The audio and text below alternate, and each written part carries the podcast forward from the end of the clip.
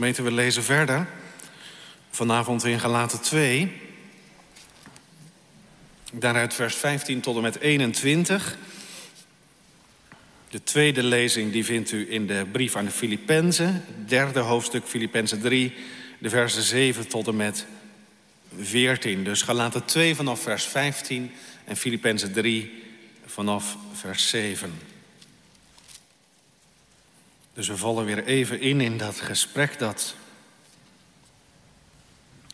de apostel Paulus had met de apostel Petrus. Waarin hij hem terugwijst naar het evangelie. Hij zegt, wij zijn van nature Joden en niet zondaars uit de heidenen.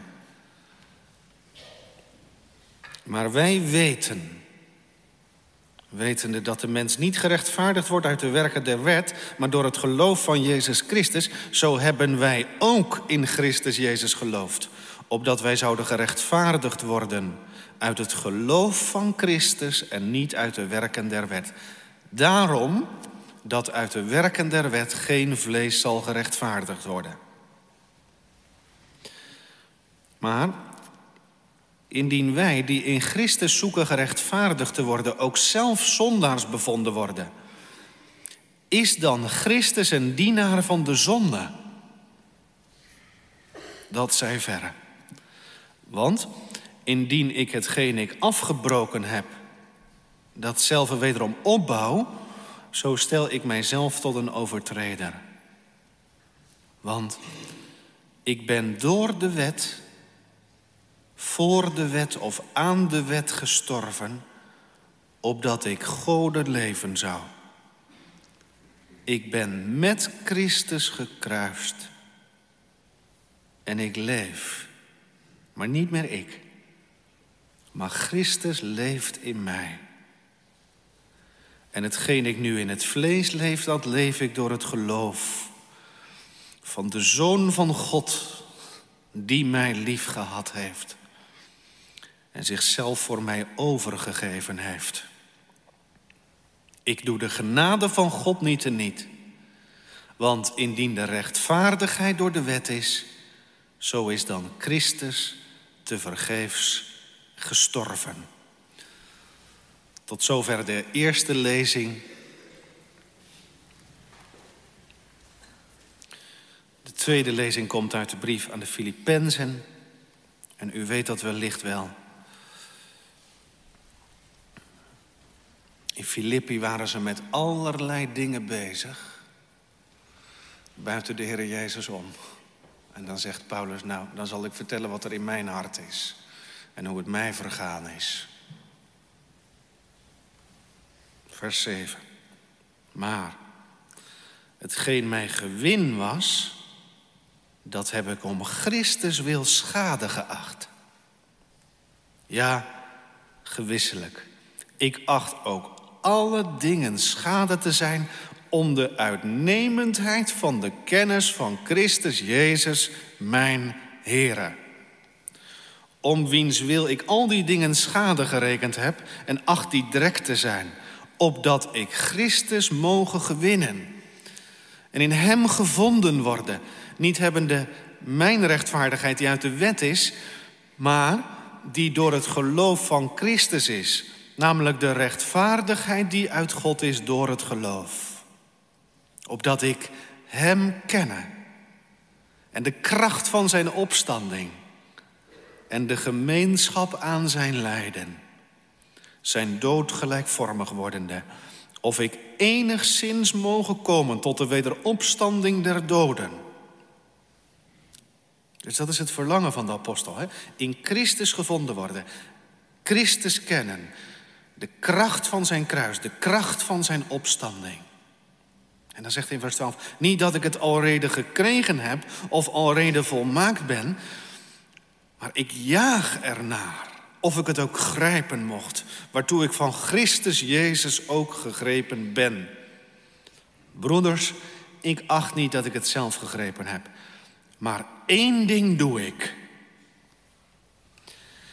Vergetend hetgeen achter is en mij strekken tot hetgeen voor is, jaag ik naar het doel.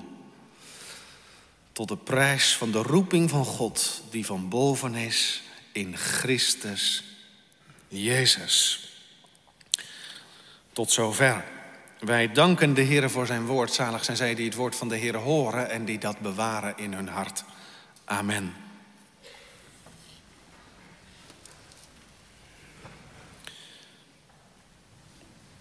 De tekst voor de predikinggemeente is Galaten 2, vers 17 tot en met 21.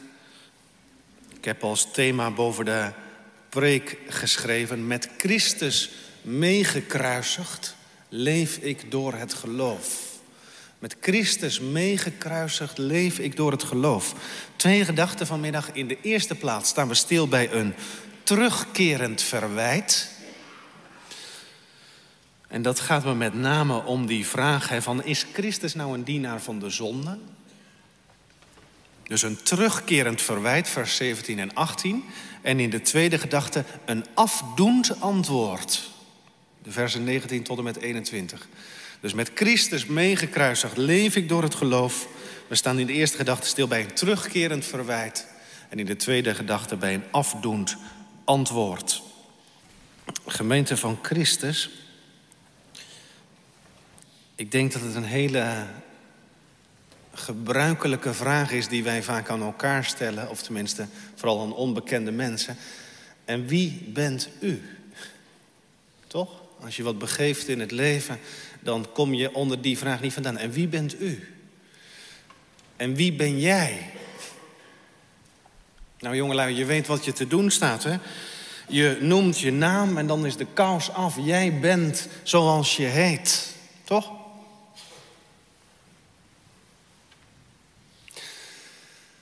In het dorp waarin ik opgroeide vroegen ze dan ook altijd nog even één ding bij.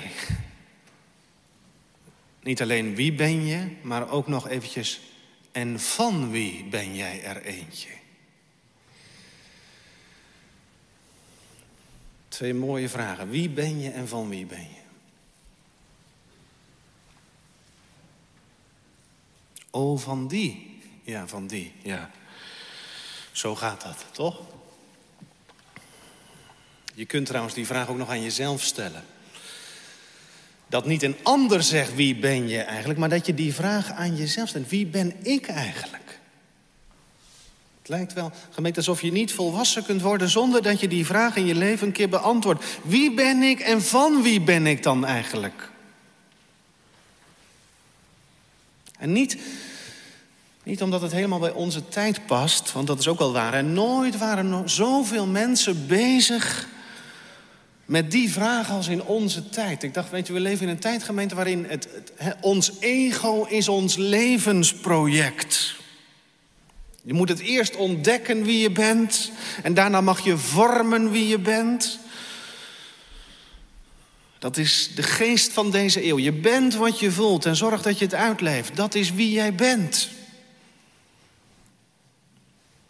De hele wereld draait om onszelf.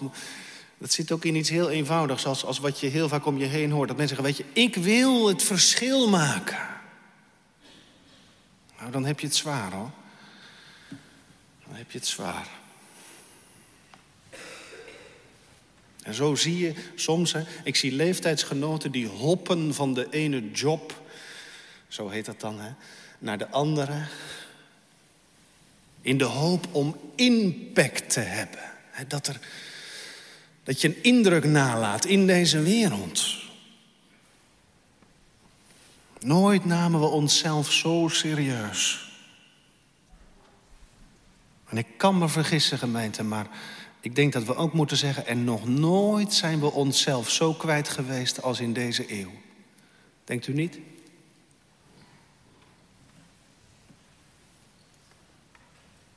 Ik zit wel eens wat om me heen te kijken.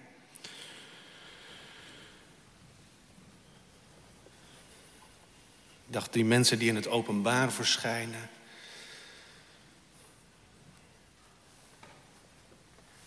Als je al die personages voorbij ziet komen.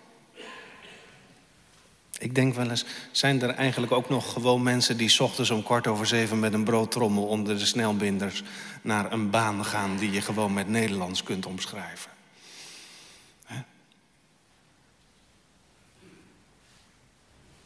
Gewone kostwinners met gewoon werk. Het is zo bijzonder.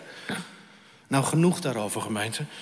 Maar weet u, en daar gaat het me vanavond om, dat de Bijbel op die vraag een heel helder antwoord geeft.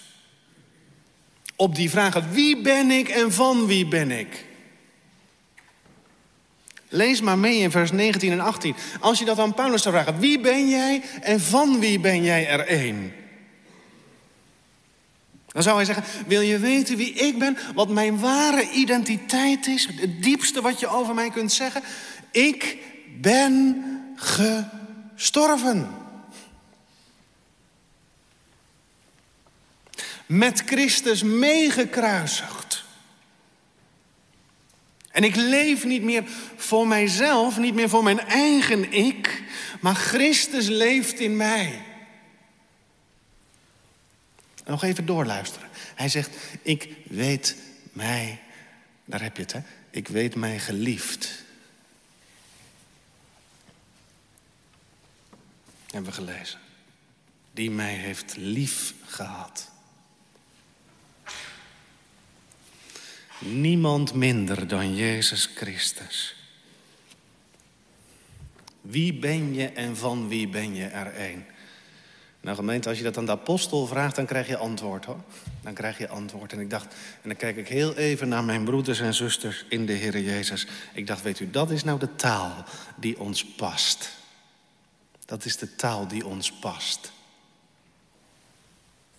Ik dacht, gezegend die dat weten hè? en die het leerden nastamelen. Ik ben met Christus gekruisigd en niet meer ik leef, maar Christus leeft in mij. En wat ik nou leef in het vlees, dat leef ik door het geloof in de Zoon van God, die mij heeft liefgehad en zichzelf voor mij heeft overgegeven. Vraag het maar. Is dat hoe u over uzelf denkt? Heel eerlijk. Wie zegt dat nou mee? Als je voor de spiegel staat en je kijkt jezelf recht in de ogen. Dan ben je toch een gelukkig mens, hè? als je dat weet. En ik dacht, als u, als u dat misschien nog nooit gedaan hebt... Hè, dan is het mijn gebed geweest dat de Heilige Geest... de Geest van Christus dat vanavond in je hart afdrukt. Weet je, dit is de troost van een geoefende apostel als Paulus, maar het is niet minder troost voor de meest aangevochten gelovigen, de allerkleinste. En het is voor de Heer Jezus niet te veel hoor, om vanavond, en hij weet wel waar u zit, met al uw getop en met al uw onmogelijkheid, maar dat hij bij je komt staan en een hand op je schouder legt, in dit woord. En dat hij zegt, Horus, ik heb u bij uw naam geroepen, u bent van mij.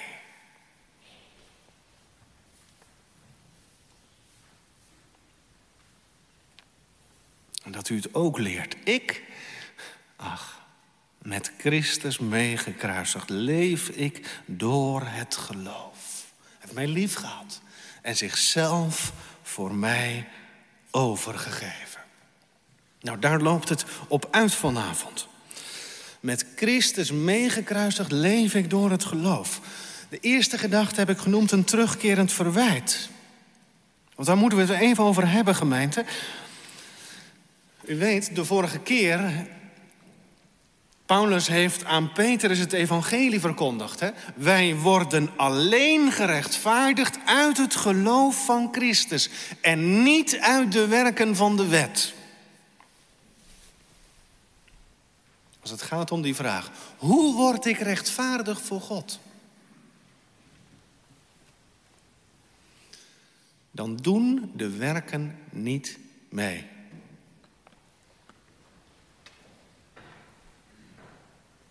Offer van Christus is het enige fundament. Nou, dat is gezegd. En dan komen de versen 17 en 18 een beetje ingewikkeld. Ik hoef er ook niet heel lang bij stil te staan, maar ik wil ze toch even benoemen. want die vraag komt altijd op. Als God dan, zoals Paulus verkondigt, zoals het evangelie zegt, als God goddelozen vrijspreekt. Echte zondaren.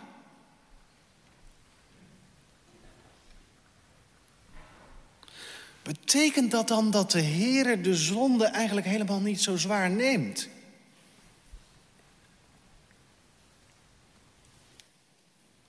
Is Christus dan eigenlijk een dienaar van de zonde? De gemeente in Romeinen 6 stelt de apostel min of meer diezelfde vraag. U kent dat waarschijnlijk beter dan, uh, dan dit vers, maar daar zegt Paulus, hè, u weet dat, dat begin van Romeinen 6, daar zegt hij, zullen wij, wij die in Christus zijn gaan geloven, zullen we dan in de zonde blijven, zodat de genade nog meer kan worden? Zullen we dan gewoon doorzondigen, zodat God ons kan vergeven en ons zijn genade en liefde kan geven?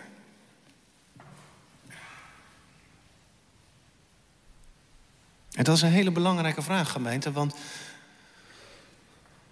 volgens heel veel mensen is dat het christelijke leven. Moet je maar eens goed luisteren om je heen. Dominee, we blijven zondaren, maar gelukkig is de vergeving.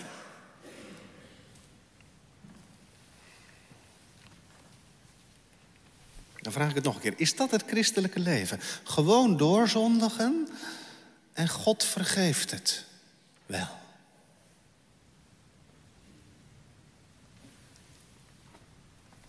Dat is een reëel gevaar gebleken, gemeente.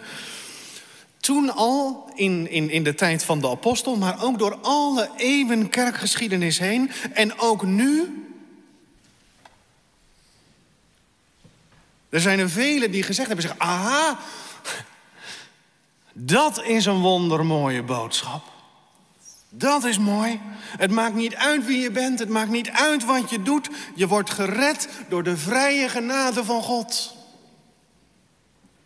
Nou, ik geloof het en nu is, nu is het vrijheid en blijheid.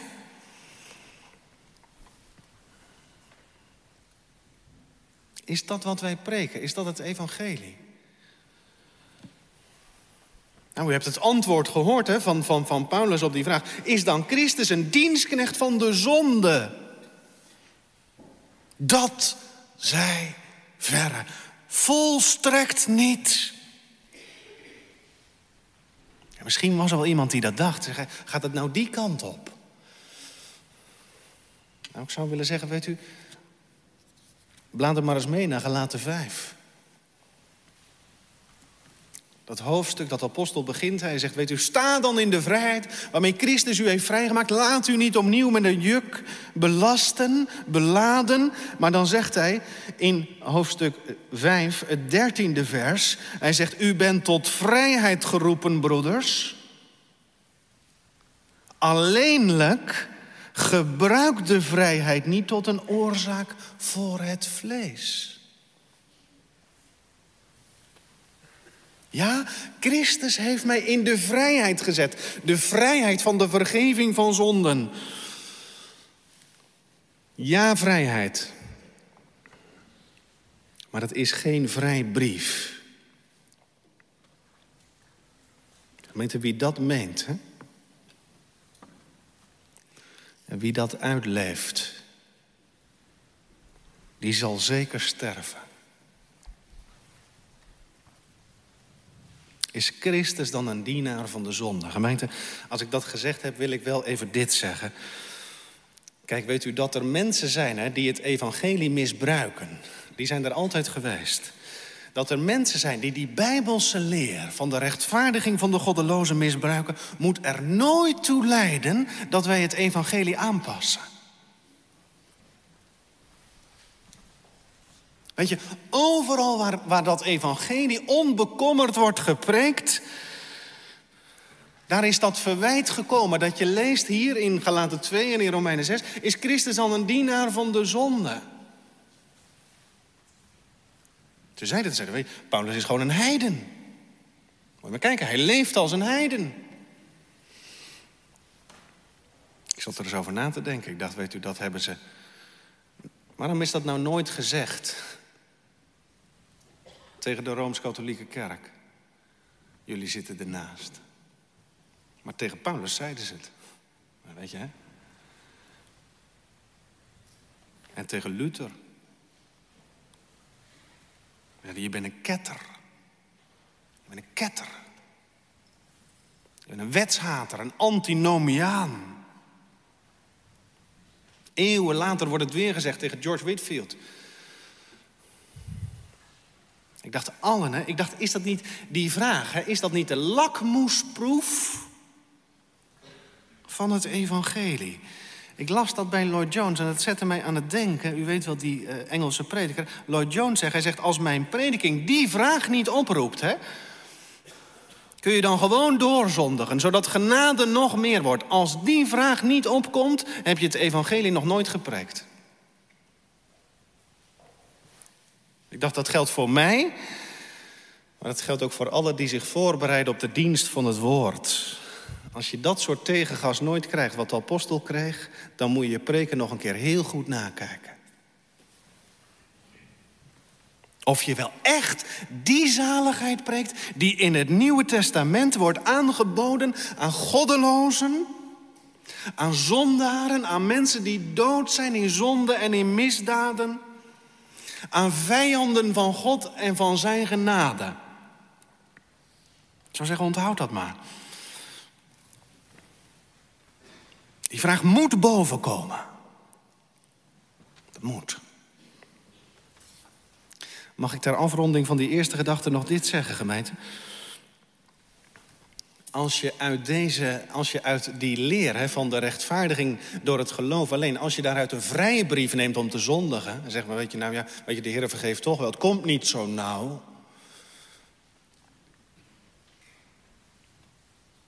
En soms proef je die geest in de gemeente. Hebt u dat ook? Komt niet zo nauw.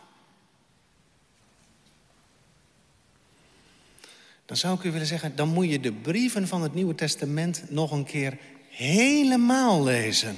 Helemaal. Dus ook Galaten 5 en ook Romeinen 8. Om dat hele beeld te hebben. De Heer Jezus heeft voor ons niet alleen zijn bloed gegeven en zijn bloed verworven.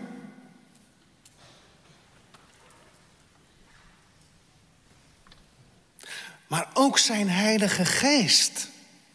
Dat hoort bij elkaar. De catechismus houdt dat bij elkaar. Het bloed en de geest van Christus, die moet je altijd bij elkaar houden. Waar dat rechtvaardigende geloof is,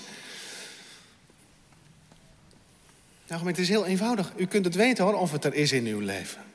Waar dat rechtvaardigende geloof is, daar is ook de strijd van de Heilige Geest tegen uw vlees begonnen. Kan niet anders. Maar wel even dit: het is niet meer wettisch. Het Nieuwe Testament gemeente leert ons een heiliging die opkomt uit, uit een diepe verbondenheid met de Heer Jezus Christus, waarvan de Heilige Geest de kracht is. Dat moet helder zijn. Christus is iemand die geen gerechtigheid meer zoekt uit de werken van de wet. Oh nee, we hebben het samen gehoord. Hè? De apostel die schrijft aan die Filippenzen en zegt: Ik heb maar één verlangen. om Christus te gewinnen en in Hem gevonden te worden. Niet met mijn eigen wettische gerechtigheid voor God, niet wat ik heb, maar met die gerechtigheid die uit het geloof van de Heer Jezus Christus is. Dat is mijn verlangen. Ik ga naar de tweede gedachte, een afdoende antwoord want het is wel een goede vraag, hè, gemeente. Waarom heeft een kind van God, een gelovige, zijn rechtvaardigheid voor God nou niet meer te zoeken in dat wat je zelf doet of zelf laat? Waarom preekt de apostel dat evangelie zonder de werken van de wet? En dat keert maar terug, hè? Komt het heel nauw. Sommige christenen denken, nou, dat evangelie zonder de werken van de wet, dat komt omdat God de wet als het ware ontbonden zou hebben.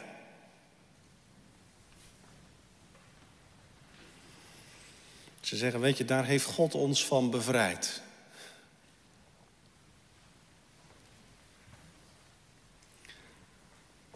En, en als je het zo hoort, dan, dan, dan zou je kunnen denken... Ja, misschien ligt dat ook nog wat dicht tegen de Bijbelse woorden aan. Maar dat is nou precies niet wat de Bijbel zegt.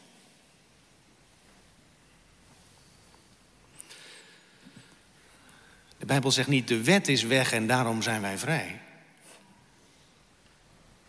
Dat zegt de Bijbel niet. Dat zou in regelrechte tegenspraak zijn met het woord van de Heer Jezus. Hij zegt in de bergreden, zo begint hij nota bene de bergreden, na de zaligsprekingen. Hij zegt, meent niet. Die mens had je toen dus ook al. Meent niet, meent niet dat ik gekomen ben om de wet en de profeten af te schaffen. Maar ik ben gekomen om die te vervullen. De Heer Jezus is geen ontbinder van het woord van God, maar hij is de vervuller van het woord van God, van de wet en de profeten. Als je eerlijk gaat lezen in de bergreden, dan zie je dat de Heer Jezus de geboden van de Heer juist heeft aangescherpt, verdiept. U hebt gehoord dat door de ouden gezegd is, maar ik zeg u.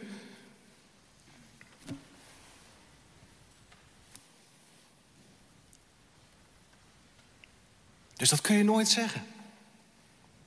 Dan zegt hij, maar hoe kan de apostel dan zeggen hier, maar bijvoorbeeld ook in Romeinen 7, dat een christen van de wet ontslagen is? Dat staat er, hè? Romeinen 7.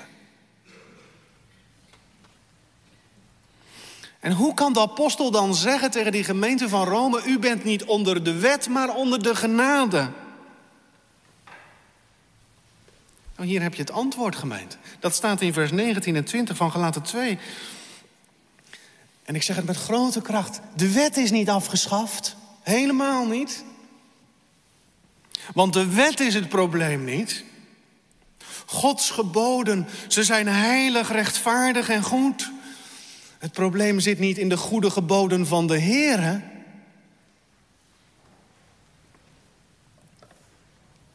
Ik ben het probleem.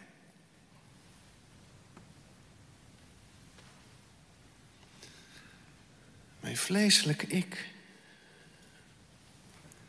Dat lezen we hier. Een christen is niet vrijgemeend omdat God een, een wet veranderd heeft of zijn wet heeft afgeschaft. Ach, gemeente, weet u, Kolbrugge die zei, en dat, dat is zo'n waar woord. Hij zegt, weet u, u moet met uw vingers van de wet afblijven. Die is veel te heilig. En begrepen we dat maar. De wet is niet veranderd. Er is met mij iets gebeurd. Oh ja? Ja, ik ben door de wet, voor de wet gestorven.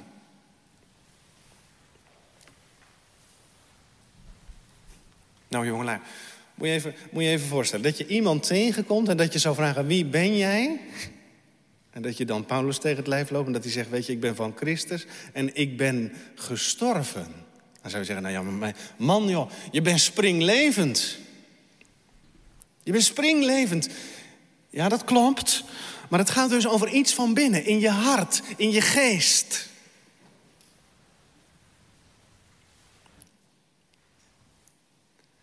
In mij is iets gestorven. Ik zoals ik van nature ben en zoals ik van nature dacht. Zoals ik in Adam begrepen ben. En hoe is dat dan gebeurd? Ik ben door de wet aan de wet gestorven. En alleen zo kon ik voor God leven. Gemeente, dat is het compleet tegenovergestelde van wat de tegenstanders van de apostel die gemeenten leerden. Dat is trouwens ook het tegenovergestelde van heel veel wat je vandaag kunt horen, ook in de kerk.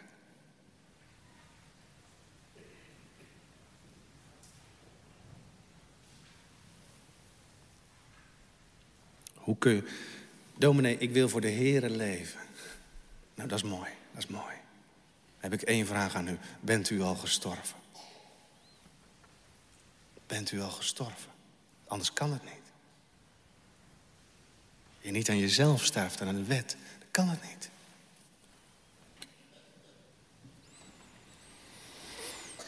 Alleen door te sterven kun je leven voor de Heer. Ja, zegt u, wat betekent dat dan? Aan de wet sterven of voor de wet sterven? Nou, gemeente, is heel eenvoudig hoor. Weet je, dat gebeurt als je ontdekt, één, wie je zelf bent... en twee, wat nou de wet van God is. De apostel zegt in, in, in Romeinen 7, hij zegt, weet je... ik heb ontdekt dat, dat de wet geestelijk is, maar ik ben vleeselijk. Die wet van God, gemeente, die gaat veel dieper dan u en ik ooit zullen beseffen. Heb je het al gezien? De Heer vraagt niet dat we een beetje onze best doen of dat we min of meer de geboden gehoorzamen met vallen en opstaan.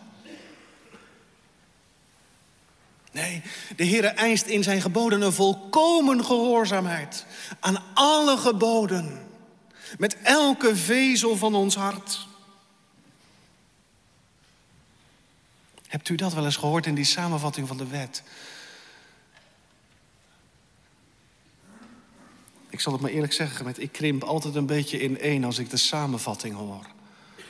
U zult de Heere uw God liefhebben boven alles. En uw naaste als uzelf.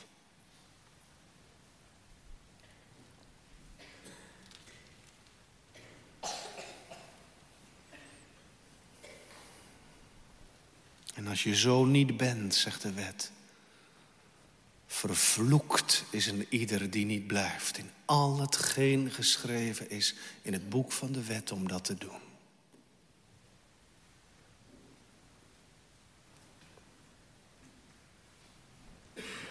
Vervloekt. Als je op iets of iemand anders vertrouwt dan de Heer. Vervloekt wie de naam van God misbruikt.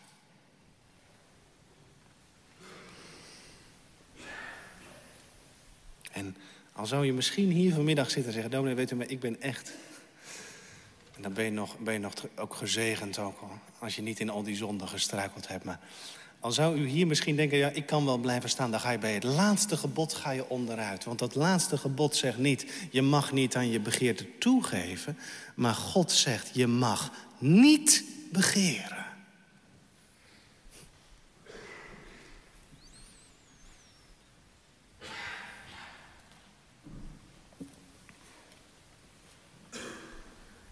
Nou gemeente, dan ga je allemaal onderuit hoor. Ik dacht, en als je dat ziet, hè, als je dat ziet, dan sterf je. Als je het inziet, hè, weet je, die geboden die mij, die mij de weg naar het leven zouden moeten wijzen, die zijn een, een, een bron geworden van vloek. Niet, niet omdat de wet verkeerd is, maar omdat ik verkeerd ben. Ik ben door de wet, door die geboden aan de wet gestorven. De apostel zegt, hè, toen het gebod levend werd, toen ben ik gestorven. En ik vraag het maar, zegt u dat mee? Hebt u dat ook geleerd? Of bent u nog altijd iemand die het heeft over proberen en je best doen? Zeg het maar. Het laatste vers is zo glashelder. Hè? Paulus zegt, als wij door, de, door doen en laten zalig konden worden... Dan is het kruis en de dood van Christus vergeefs. Die weg die zit dicht. Ik zeg het nog maar een keer. Dat is niet omdat Paulus de wet veracht hoor. Ik dacht, als je wilt weten, gemeente, hoe heilig de wet van God is. En hoe serieus de Heer die neemt, dan moet je naar Golgotha kijken. Er zijn wel eens mensen die dat vragen. Zeggen, waarom moest de Heer Jezus nou zo sterven? Dat kwam omdat God heilig is. Even heilig als zijn wet. Daarom moet hij zo sterven. Bloedend aan een kruis, van God verlaten. Vervloekt, zegt Paulus. Dat is het.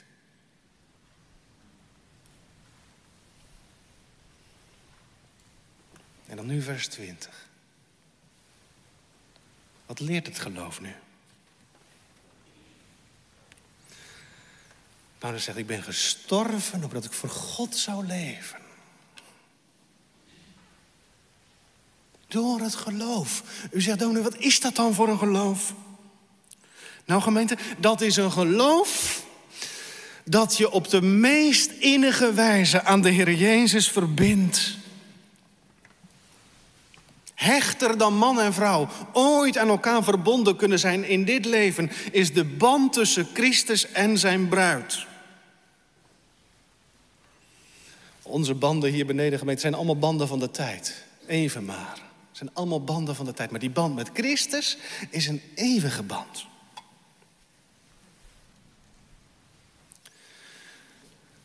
Ik zat erover na te denken. Ik dacht, je hoort wel eens, hè, vandaag zeggen mensen, zeggen, weet je, geloven is een sprong in het diepe. Dan denk ik, wie heeft dat nou bedacht? Dat staat nergens in de Bijbel.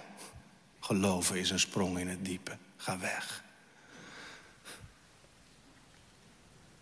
Weet je wat geloven is? Dat is jezelf laten zakken in de armen van de Heer Jezus. Dat is geloven.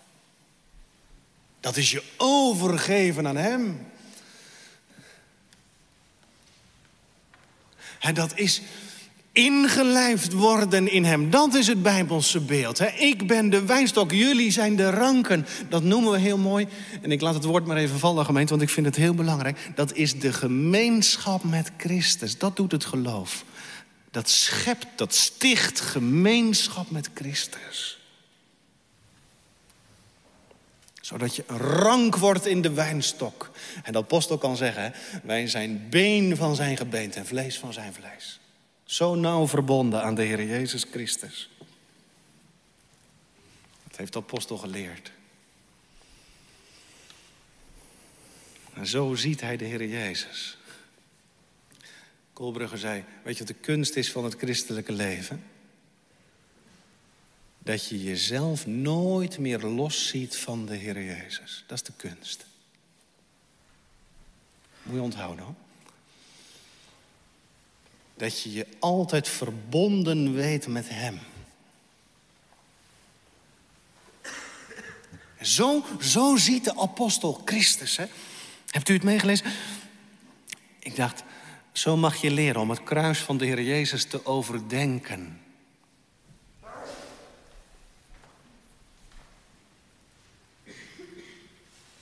Weet je wie de, als je aan Paulus zou vragen, wie is de Heer Jezus dan voor jou? Weet je wat hij dan zegt? Hij zegt, ik ben met hem meegekruisigd en ik leef niet meer, maar Christus leeft in mij. Hij heeft mij lief gehad en zichzelf voor mij overgegeven. Ik merk vaak dat dat heel moeilijk gevonden wordt in de gemeente. Eh, ik ben met Christus gekruisigd. Wat betekent dat nou?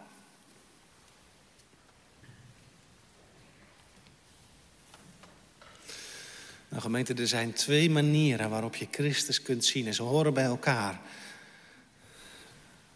Ik dacht, wat is het een zegen, hè? Als je door het woord heen en door het evangelie heen Christus mag zien. En het weet, u hangt daar, Heer Jezus, in dat oordeel van God. U hangt daar ook voor mij. Dat is het begin.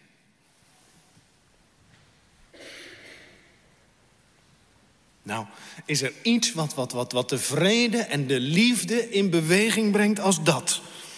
U hangt daar ook voor mij. Dat is een gezegende blik op de Heer Jezus. Maar vanavond roept de Heilige Geest ons nog wat dichterbij. Hij zegt, blijf nog even, blijf nog even. En kom eens dichterbij. Kijk eens goed naar dat kruis. En kijk eens goed wie daar hangt. Ja, zegt u, daar hangt Christus met al mijn zonden. Ja. Ja, zegt de Heilige Geest, kijk nog eens beter. Kijk nog eens beter. Want Christus hangt daar niet alleen als uw plaatsvervanger. Maar de Heer Jezus is daar ook uw plaatsbekleder. Dat wil zeggen, Hij nam u mee.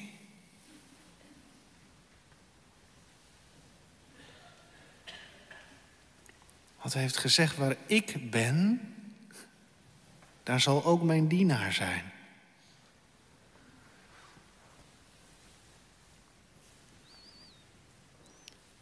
En gemeente, zo, dat, dat mogen wij leren. Hè? Om niet alleen Christus te zien zoals hij zich voor ons overgeeft.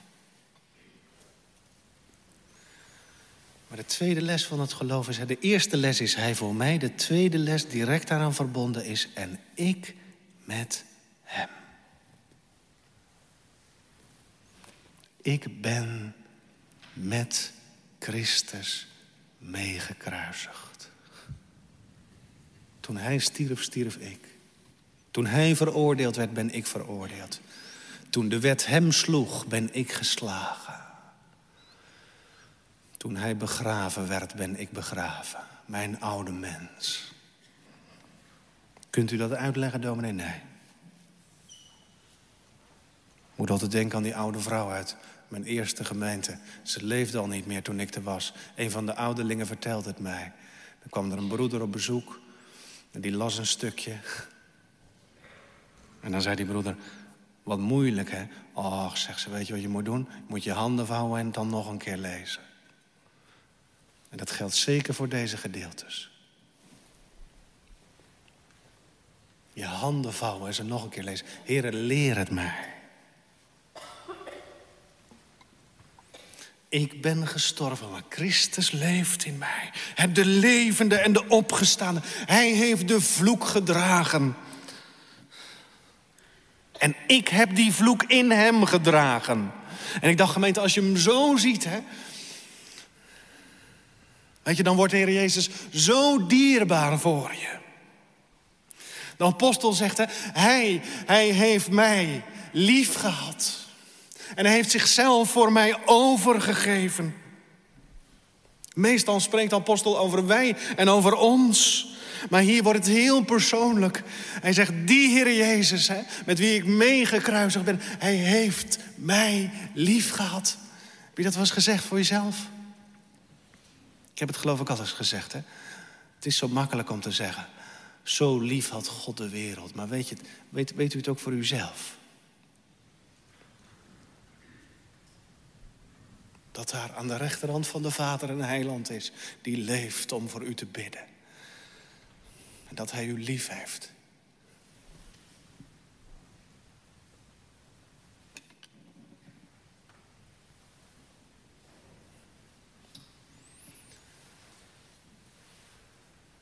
Ik weet niet zo goed hoe ik hierover moet preken.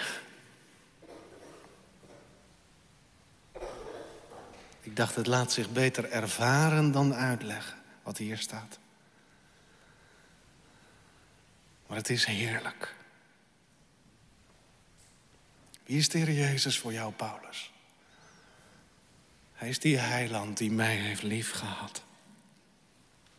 En die vanuit die liefde zich voor mij heeft overgegeven. Wat is dat kostelijk, hè? En ik denk, gemeente, die liefde van Christus, hè, die heeft zo'n indruk en zo'n afdruk gemaakt in de ziel van de apostel, dat de Heer Jezus vanaf dat moment het middelpunt werd van zijn hart en van zijn gedachten. Hij zegt, wat ik nu nog leef in het vlees, hè, dat korte poosje dat ik hier beneden nog ben, even maar. Weet je hoe ik leef? Dat leef ik door het geloof in de Zoon van God.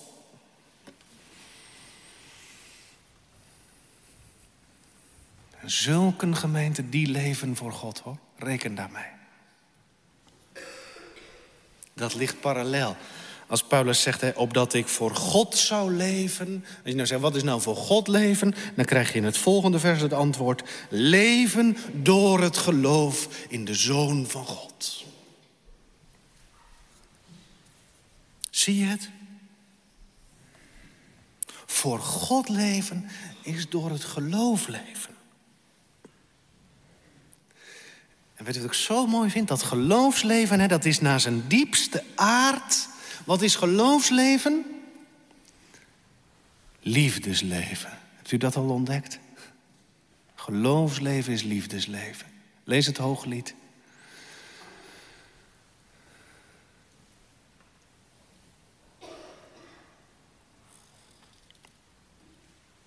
Zo wezenlijk, gemeente, dat je dat leert. Hè?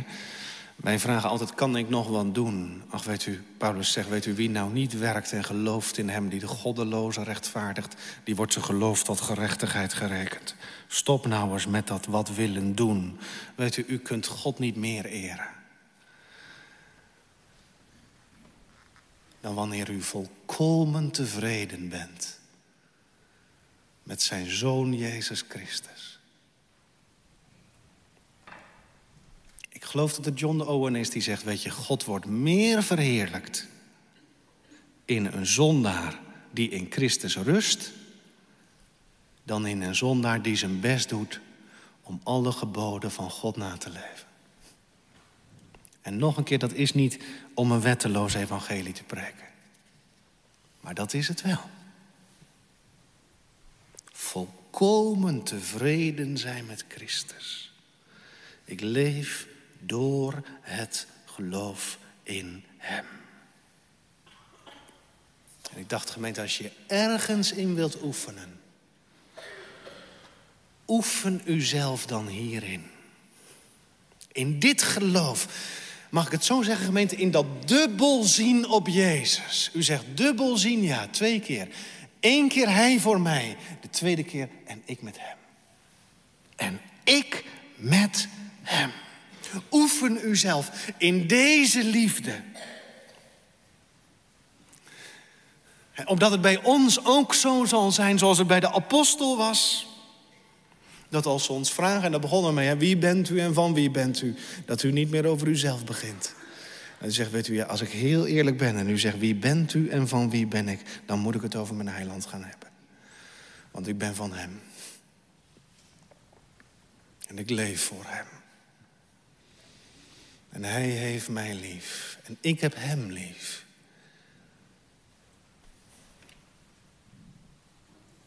Omdat hij mij eerst heeft lief gehad.